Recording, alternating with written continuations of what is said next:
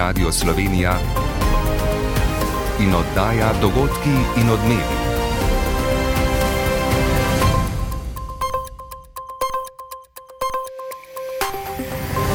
Ura je 15 in 30 minut.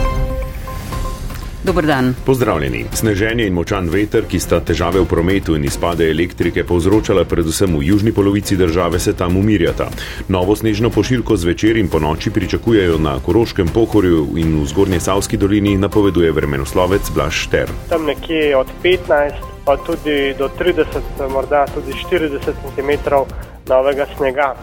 Vlada, ki sindikatom javnega sektorja predstavlja ključne izzive plačnega sistema, se želi z njimi dogovoriti o dinamiki usklajevanja sprememb ter odpravi nesorazmeri. Vse več skupin javnega sektorja namreč zahteva zvišanje plač in grozi stavko. Delničari Petrola so se seznanili z ukrepi za povrnitev škode zaradi reguliranih cen pogonskih goriv. Uprava družbe od naše države pričakuje 106 milijonov evrov. Hkrati poziva vlado k takojšnji odpravi regulacije marš. Predsednica uprave Nada Drobne Popovič. Marže niso zato, da bo petrol delal dobiček, te marže so nujno potrebne, če želimo investirati še naprej in v bistvu v desetih letih omogočiti transformacijo. Poljska je odločena tanke Leopard 2 dobaviti Ukrajini. Kot napoveduje, bo Nemčija prosila za dovoljenje, a tudi če ga ne bo dobila, bodo tanke sosedi posredovali prek manjše koalicije držav. Še naprej bo oblačno in vetrovno s padavinami, ki bodo po noči na jugu ponehale. Veter bo slabel. Z vami sva Gregor Budal in Biljana Polak. Dan mineva v znamenju vremenskih težav. Obilno sneženje in močan veter sta dopolne marsikje ohromila promet, povzročala škodo na objektih, motena je bila tudi oskrba z elektriko. Dogajanje spremlja Erna Strniša, pozdravljena. Lep pozdrav. Kakšna je vremenska napoved za prihodnje ure? Na jugu Slovenije bo sneženje oslabelo, pas močnejših padavin se bo v naslednjih urah širil proti severu. Dežurni meteorolog Blaž Šter. Tako da lahko pričakujemo predvsem na Koroškem, na širšem območju Pohorja in tudi recimo v Zgornjesavski dolini, tam nekje od 15 pa tudi do 30, morda tudi 40 cm novega snega. Potem jutri se bodo razmere že počasi umirjale. Tudi močna burja, ki je ponekod pihala s hitrostjo več kot 140 km na uro in je na goriškem odkrivala strehe, slabi in bo povzročala manj težav, bo pa na meji med primorsko in notransko še lahko prinašala snežne zamete. Povečuje se nevarnost snežnih plazov, ki je četrte stopnje, zato bo agencija za okolje izdala opozorilo za visokogorje, nevarnost velja tudi za sredogorje. Obisk gora je torej močno odsvetovan. Sicer pa na notranskem, kočevskem in na dolenskem že vse dan sneži, snežna odeja je marsikje debela nekaj deset centimetrov, v više lešečih območjih tudi že več kot pol metra. Tako da, kot poročajo naši dopisniki, ne le burja, ampak tudi sneg povzroča škodo. V novem mestu se je denimo pod težo snega zrušila streha na velodromu. Mokr južen sneg, ki pada lahko še naprej povzroča snegolome. Erna, preden nadaljujeva, poglejmo aktualne razmere v prometu. V večjem delu države sneži, sneg se oprijema vozišča. Na Štajerski avtocesti nastajajo daljši zastoji med celjem in trojanami v obe smeri. Potovalni čas se podaljša za več kot pol ure.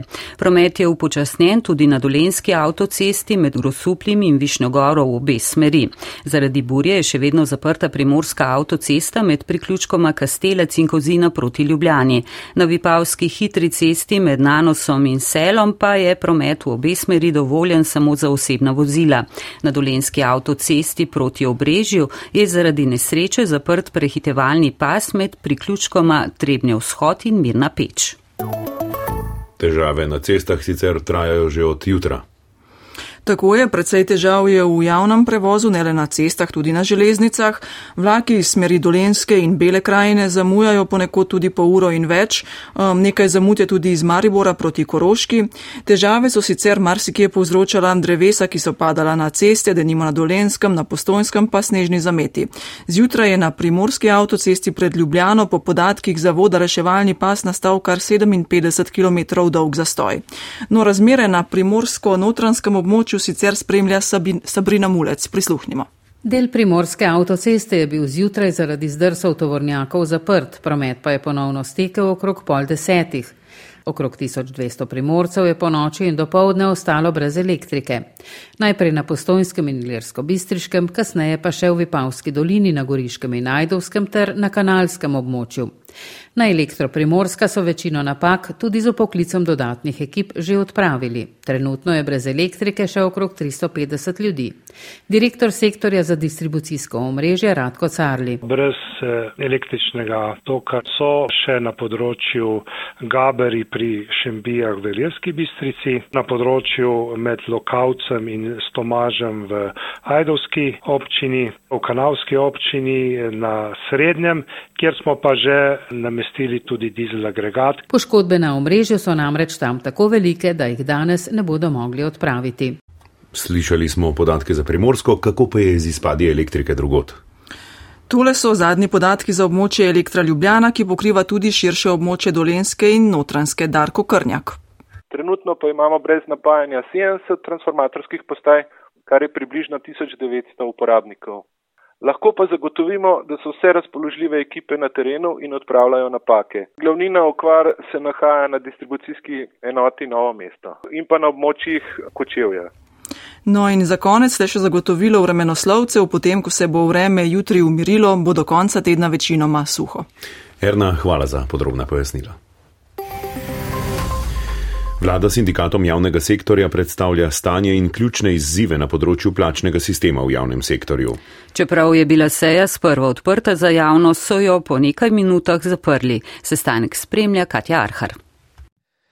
Pozdravljeni. Res je, se je bila sprva predvidena kot odprta za javnost, a se je zapletlo, ker naj tega ne bi dovoljeval poslovnik, na kar so upozorili sindikati. Sejo je ministrica za javno upravo Sanja Janovič Hovnik kot predsedujoča komisiji po nekaj minutah zato zaprla za javnost. Zdaj vlada sindikatom predstavlja stanje javnih financ v luči sindikalnih zahtev po višjih plačah, ob tem je vladna stran pripravila tudi pregled plač pa vseh dodatkov in zaposlenosti v javnem sektorju po tarifnih skupinah ter stanje v zadnjih nekaj letih na tem področju. Sindikati predstavljajo tudi svojo stran, hkratni vlada je sicer pogajalsko skupino pred dnevi pooblastila za začetek pogovorov s sindikati o časovnici pogajanj o prenovi plačnega sistema. Izhodišča za to reformo sicer na vladi še niso bila potrjena, najprej jih bo potrdila koalicija na koalicijskem vrhu prihodnji teden, šele na to vlada na svoj sej. Eh, več o vsebini današnjega sestanka, kot rečeno, ni znano, bomo pa o tem nekaj več izvedeli po koncu sestanka in seveda o tem poročali v prihodnih informativnih odajah. Državi, ki ima v družbi Petrol 32 odstotni lasniški delež, na današnji skupščini ni uspelo zamenjati nadzornika Aleksandra Zupančiča, imenovanega v obdobju vlade Jane Zajanše. Zupančič ostaja član nadzornega sveta. Uprava Petrola je predstavila dejavnosti za povrnitev škode, ki je družbi nastala v Sloveniji in na Hrvaškem zaradi regulacije maloprodajnih cen pogonskih goriv. Od decembrske do današnje skupščine se je družba oborožila tudi študijo, s katero poziva vlado naj odpravi regulacijo marš. Maja Derčar. Petrol je lani v proračuna Slovenije in Hrvaške prispeval več kot 2 milijardi evrov. Samo v Sloveniji zaposluje 3320 ljudi, na nje vezanih več kot 3700 dobaviteljev. Vse to napaja marža iz prodanih goriv, ki je v primerjavi z evropskim povprečjem več kot pol manjša pri benzinu in več kot tri četrt nižja pri dizlu. Petrol zaostruje zahteve in poziva vlado odpravite regulacijo marže. Predsednica uprave Nada Drobne Popovič. Dolge regulacije niso ustrezne. Mi ne poznamo nobenega primera, kjer bi dolgoročne regulacije prinesle dobrobit eh, državljanom. V začetku januarja je uprava Petrola na državno odvetništvo podala predlog za mirno rešitev spora. Od slovenske države namreč pričakuje 106 milijonov evrov zaradi škode povzročene z regulacijo cen pogonskih goriv. Odziva strani države ni bilo morda zaradi reorganizacije ministrstv. Vprašanje je, ali bi bila uprava Petrola pripravljena, če vlada sklene zvišati marže ali odpraviti regulacijo marž, to potezo je mati kot pobot. Jaz mislim, da je treba predvsem pošteno zapreti vprašanje zahtevka, ki je že nastalo. In to je treba ločiti od tega, tudi kakšne so pa ustrezne marže v prihodnosti. Smo pa tukaj odprti, odprti v smislu dialoga, da predebatiramo metodologijo, na podlagi katere smo mi prišli do izračuna škode in seveda metodologijo, ki jo bo predstavila država. Visoke zahtevke ima Petrol tudi do Hrvaške države, ki predstavlja še večji izziv. V nasprotju s področjem pogonskih goriv pa je družba zadovoljna z metodologijo povračil škode na segmentu prodaje elektrike in plina v Sloveniji. Petrol je lansko leto kljub rekordnim prihodkom zaključil z 12 milijonsko izgubo. Če Slovenija in Hrvaška ne povrneta škode, bo podjetje prisiljeno v prestrukturiranje. To je krčenje poslovanja. Po letu 2022 spomnimo, da je to minilo v znamenju številnih šokov, med drugim začetka vojne v Ukrajini, energetske draginje in rekordne inflacije, se bo negotovost nadaljevala tudi letos. Zaradi ukrepov centralnih bank, ki bodo še zviševale obresne mere, se bo inflacija najverjetneje začela umirjati in postopno zniževati. Umirjanje je pričakovati tudi na strani porabe in zaposlovanja. Poznavalci razmer hude recesije ne pričakujejo več, ta naj bi bila po zdajšnjih ocenah blaga oziroma naj je sploh ne bi bilo. Več v prispevku Simeone Rogel. Ključne centralne banke, Evropska, Britanska in Ameriška, so vstopile v letošnje leto z močno zaostreno monetarno politiko in ciljem, da čim prej znižajo inflacijo na 2 odstotka, ne glede na posledice za potrošnike in podjetja, pravi Domen Granda iz NLB skladov. Naša pričakovanja pa so, ne, da bomo videli v prvi polovici leta še, še nekaj dvigov, se pravi tako ameriške centralne banke kot tudi o, Evropske centralne banke. Ne, se pravi, da kratkoročno še ne pričakujemo nekega obrata v retoriki. Učinki zviševanja obrestnih mer se že kažejo, njihova naloga je umirjanje gospodarstva in ustvarjanje deflatornih pritiskov, pri čemer pa je potrebno poudariti, opozarja Roman Zidaren iz Trigla v skladov, da tokratna inflacija ni klasična, pač pa rezultat številnih šokov. In z eh, tega vidika lahko rečemo, da pričakujemo znižanje inflacije, vendar bo ostala krepko nad uh, željeno ravnjo.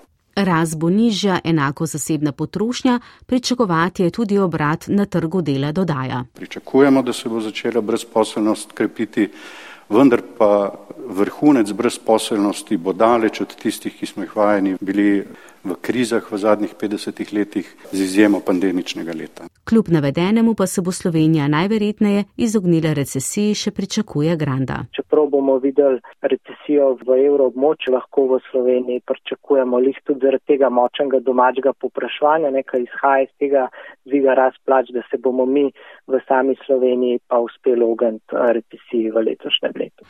Vlagatelji so zato bolj optimistični in upajo na nadpoprečne donose.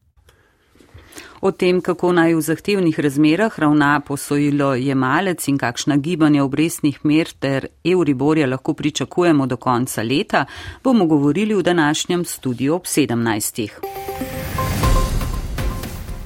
V nadaljevanju o prizadevanjih Italije, da bi v nekaj letih postala vozlišče oskrbe s plinom za vso srednji del Evrope. Za ta namen se je povezala z Alžirijo, načrtuje tudi novo cel plinovoda, po katerem priteka plin iz Azerbejdžana. Slišali boste, katere nove ukrepe je sprejela Avstrija, da bi državljanom olajšala spopadanje z draginjo. Čez nekaj minut tudi o pogledu pravne stroke na socialno državo in revščino. Kot je med drugim povdaril Aljoša Polajžar z pravne fakultete v Mariboru so pravne listine v Evropski uniji in Sloveniji, ki urejajo področje socialne in človekovih pravic, številne. Toda kljub vsem pravnih virov, da ne obstajajo mrtva črka na papirju, so ključne politike in politična volja Za jutri napovedanega zaostrovanja stavkovnih dejavnosti novinarskih sindikatov RTV Slovenija ne bo. Z vodstvom so namreč dosegli dogovor o nadaljevanju prekinjenih stavkovnih pogajanj. Najprej pa v prizadevanjih Polske za dobavo nemških tankov v Ukrajini. Evropski zunani ministri so na zasedanju v Bruslju po navedbah neimenovanih virov potrdili novo vojaško pomoč Ukrajini v vrednosti pol milijarde evrov. Kot je sporočila Poljska, bo Nemčijo uradno zaprosila za dovoljenje, da v Ukrajino pošljajo bojne tanke Leopard iz svojih zalog. Nemška zunanja ministrica Ana Lena Berbok je sinoči napovedala, da Nemčija tega nobeni državi ne bo preprečila. Danes v Bruslju te izjave ni ponovila. Nemški kancler Olaf Scholz je doma in v tujini potaršal kritik, ker Nemčija za zdaj na lasno pest ne želi poslati bojnih tankov v Leopard 2. Iz Berlina Polona Fjauš. Robu srečanja zunanjih ministrov Evropske unije v Bruslju, predvsem iz baltskih držav, prihajajo kritike nemške vlade, da zavlačuje pri odločitvi o pošiljki bojnih tankov Leopard 2 v Ukrajini. Mnogi so pričakovali, da boste pošiljko bojnih tankov po skupni seji nemške in francoske vlade včeraj napovedala oba voditelja, a se to ni zgodilo. Po srečanju kontaktne skupine Zveze NATO v vojaški bazi Ramstein je v petek izbruhnil spor v nemški vladni koaliciji. Liberalni svobodni demokrati so sporočili, da je Nemčija Nemčija v zgodovinskem trenutku spet odpovedala, podobno iz stranke zelenih, da je vsako zavlačevanje neposredna prednost za vojnega zločinca Putina. Vodja poslanske skupine socialdemokratov Rolf Mücenih pa je odgovoril, da FDP nagovarja k vojaškemu spopadu. Tanki, potem letala in vojska, ki je je meja, je zapisal.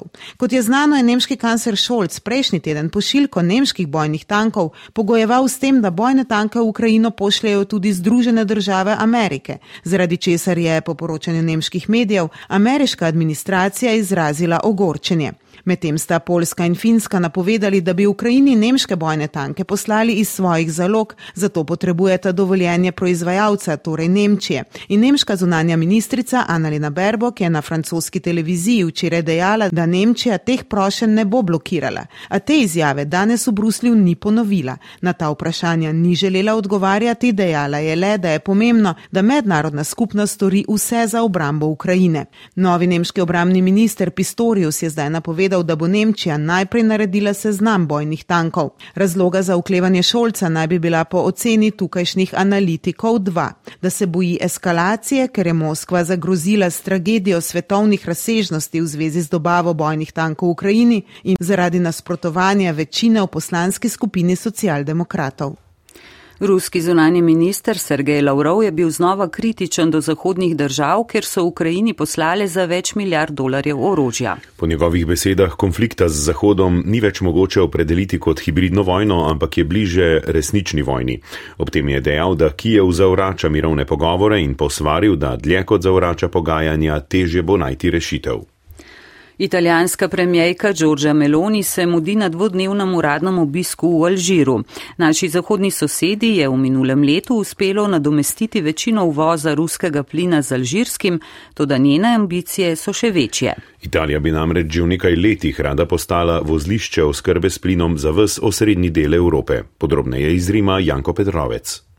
V letu vojne v Ukrajini je Italija občutno zmanjšala svojo odvisnost od ruskega plina, ki zdaj znaša samo še 16 odstotkov potreb. Po trenutnih načrtih ga konec naslednjega leta ne bo več potrebovala. V zameno je največji dobavitelj plina Italiji postala Alžirija. Uvoz je dosegel 34 odstotkov potreb države.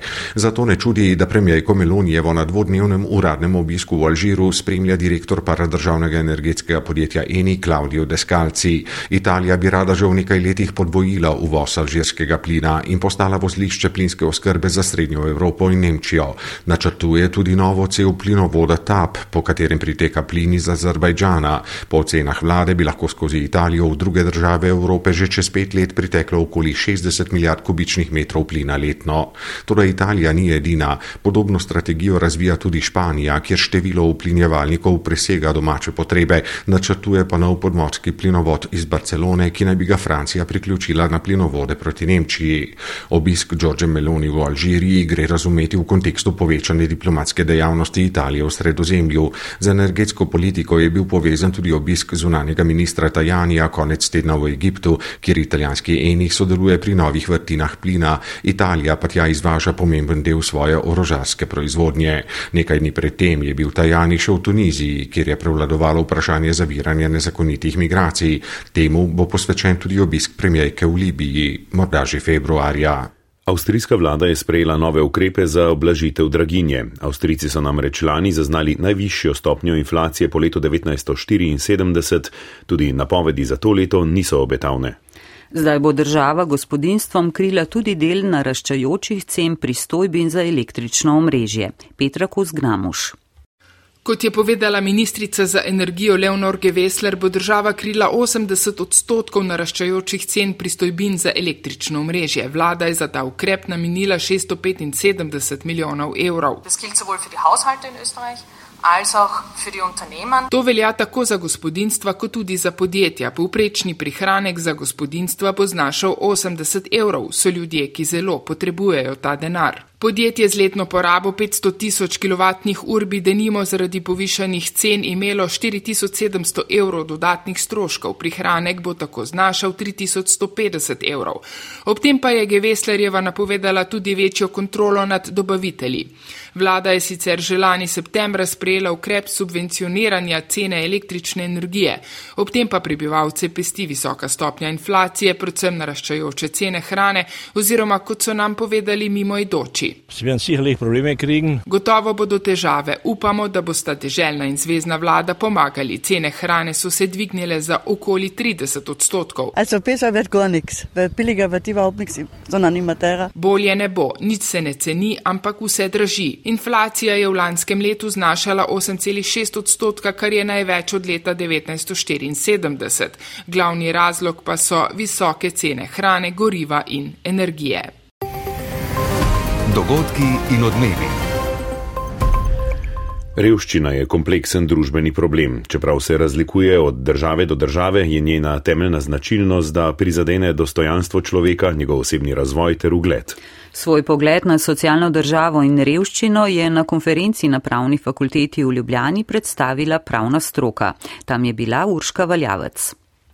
Pogodbe, resolucije, konvencije, listine, pravni akti v Evropski uniji in Sloveniji, ki urejajo področje socialne in človekovih pravic, so številni. Toda Aljoša Polajžar z pravne fakultete v Mariboru. Kljub vsem pravnih virov, da ne obstajajo mrtva črka na papirju, so ključne politike in politična volja. Poleg politične volje profesor Miro Cerar z Ljubljanske pravne fakultete izpostavi še potrebno je imeti tudi neko širšo občo družbeno zavest, etično zavest, bi rekel, o solidarnosti, o socialni pravičnosti.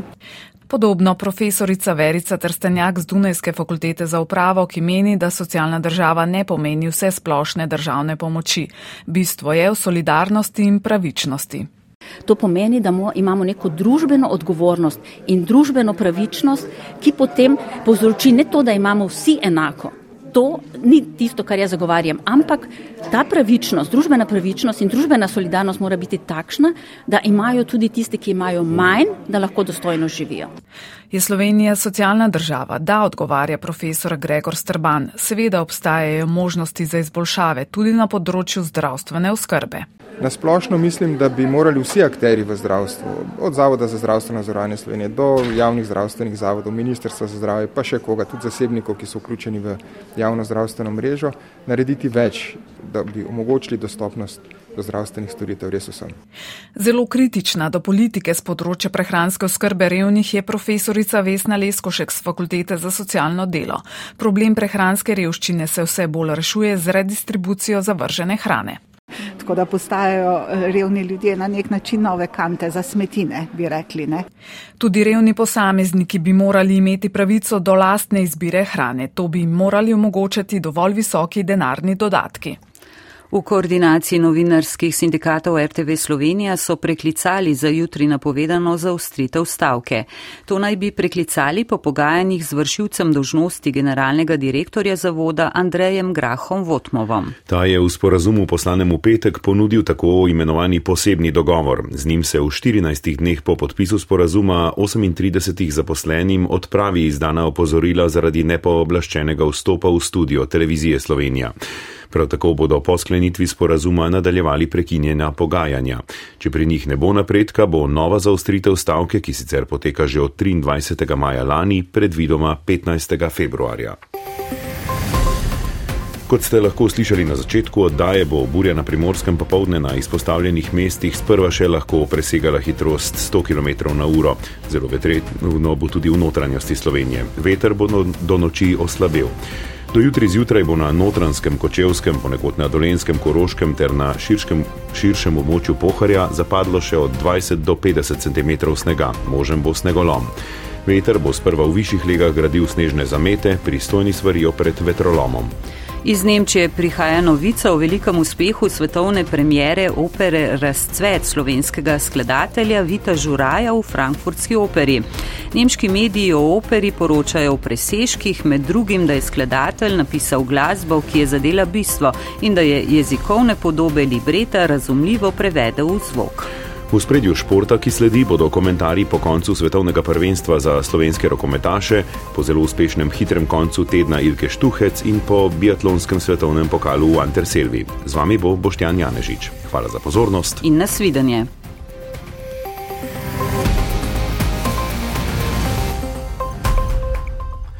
Sedem reprezentanc ima že potrjeno vstopnico za četrt finale svetovnega prvenstva za rokometaše, danski lahko osmo vzame le čudež. Slovenska reprezentanca je že na poti domov, zmagala je štirikrat v šestih tekmah in bo najverjetneje osvojila končno deseto mesto. Brez rezultatskega presežka, a vseeno oživljena je bila Slovenija na polskem. Znova je vsaj kdo na turnirju povdaril, da igra lepo in učinkovito, da ima dobro obrambo. Za Francijo in Španijo prvo kategornici ni bilo dovolj, od ostalih dveh evropskih reprezentanc v dveh tednih pa je bila za razred boljša. Že dolgo je nismo videli s tako kratkimi obdobji črnih minut, posledica zagnanosti igralcev in zanesljivo tudi dobro pripravljenega strokovnega vodstva. Znali so moštvo sestavljeno iz šestih debitanov debitantov na največjih tekmovanjih pripraviti do tega, da ambicije bolj pokaže na igrišču kot vnaprej v besedi v javnosti. O posebnem vabilu mednarodne zveze na turnir bi bilo tako smešno napovedovati medaljo. Med četrt finalisti bo sicer tudi delni usiljivec Mačarska, vse ostalo pa se odvija po pričakovanjih. Olimpijski prvak Francija in Evropski Švedska sta do četrt finala zaenkrat sto odstotna. Drevi bosta še dva odlična dvoboja drugega dela za enak ali podoben vtis Norveške ali Nemčije ter Egipta ali Danske. Septeto srednjih favoritov že pred prvenstvom zaokrožuje Španija, manjše razočaranje za mnoge je le Islandija. Na Polskem, kjer je navijače na realna tla spravila prav Slovenija, bodo le še tri tekme, preostalih devet pa v Stokholmu. Švedskega dela prvenstva nismo občutili. Za dogodke in odmeve Uroš Vovk. Podaljšan alpski konec tedna je zaznamovala Ilka Štuhec zmago in z drugim mestom v Kortini Dampeco. Edini preblisk v Kitzbilu je bilo smokaško sedmo mesto Mihe Hrobata, spet je bila Slovenija brez finalista na slalomu. Komentar po uspehih Ilke Štuhec je pripravila Anja Hlača Ferjančič. Ilka Štuhac je v Kortino Dampeco prišla kot rahlo poškodovana tretja smokačica zime, iz Kortine odhaja kot najbližja zasledovalka Sofije Gođa in ena najbolj resnih kandidatk za odličje na svetovnem prvenstvu. Čeprav si želi, da bi bila hitra le na progi, ne pa tudi pri napovedih, je očitno, da ji vprašanja povezana z Meribelom niso neprijetna, da se zaveda, da je z osveženo samozavestjo in odlično opremo spet pripravljena za naskok na svetovni vrh. V dolomitih je znala izkoristiti dobro vidljivost in prijazno podlago. Dokazala je, da je konkurenčna tako na klasičnem kot na skrajšanem smuku in kot se je po 13. mestu na supervele slalomu samokritično pošalila, da zna tudi zavijati. Za Ilko Štuhec je z naskokom najboljši vikend od sredine decembra 2018, ko je v Valgardeni zmagala v smuku in supervele slalomu. V tej disciplini je trenutno še daleč od najboljših, a trend je pozitiven. Popotnica je torej odlična, Ilkina majhna, zelo povezana ekipa obljublja, da bo naredila vse, da bo 32-letna desetkratna zmagovalka tekem svetovnega pokala dovolj hitra in zbrana tudi v nadaljevanju sezone, ki pa je že zdaj ena najboljših v njeni karieri. Z obema štafetnima preizkušnjama se je včeraj v Anterselvi končala šesta postaja, s tem pa druga tretjina sezone svetovnega pokala v biatlonu. Sledi svetovno prvenstvo v Oberhofu. Slovenska reprezentanca je šestkrat prišla do točk. Komentar Tomaža Langerholca. Južno-tirolska Anterselva je klasično in tradicionalno prizorišče biatlonskih tekem. S kapaciteto za skoraj 22 tisoč gledalcev je trenutno po tej statistiki druga največja za Oberhofom, kjer se bo biatlonska karavana modila na naslednjem prizorišču v sklopu svetovnega prvenstva, ki se začenja 8. februarja. Tu gledalci zares pripravijo spektakularno vzdušje, prav nič drugače ni bilo prvi dan, ko so biatlonke tekmovali v sprintu. Slovenskega zornega kota je bil prav ženski sprint vrhunec uspehov v Italiji. Italiji, saj je Ana Marija Lampič kot novinka v tem športu še drugič po Hochfilcnu osvojila peto mesto. V Avstriji na to ni tekmovala na zasledovalni tekmi, ker se je tako odločil trenerski štab. Tokrat je ni bilo na zasledovanju zaradi bolezni. Slabše zdravstveno počutje je vplivalo tudi na rezultate Jakova Faka, ki je izpustil štafetno preizkušnjo, na zasledovanju pa dokazal, da se še lahko meri z najboljšimi, ko je bil 15. Morda so v našem taboru pred svetovnim prvenstvom pričakovali in predvsem želeli boljši splen, a še enkrat več se je pokazal napredek mlajšega dela tekmovalk in tekmovalcev, kar nedvomno uliva veliko upanja za prihodnost.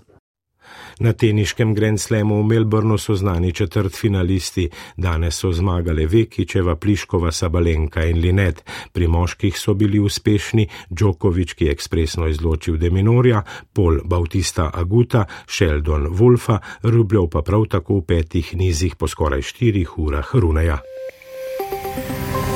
Poslušali ste oddajo Dogodki in odmevi. Urednica Natalija Muršič, voditelja Biljana Polak in Gregor Budal tonski mojster Grega Žumar.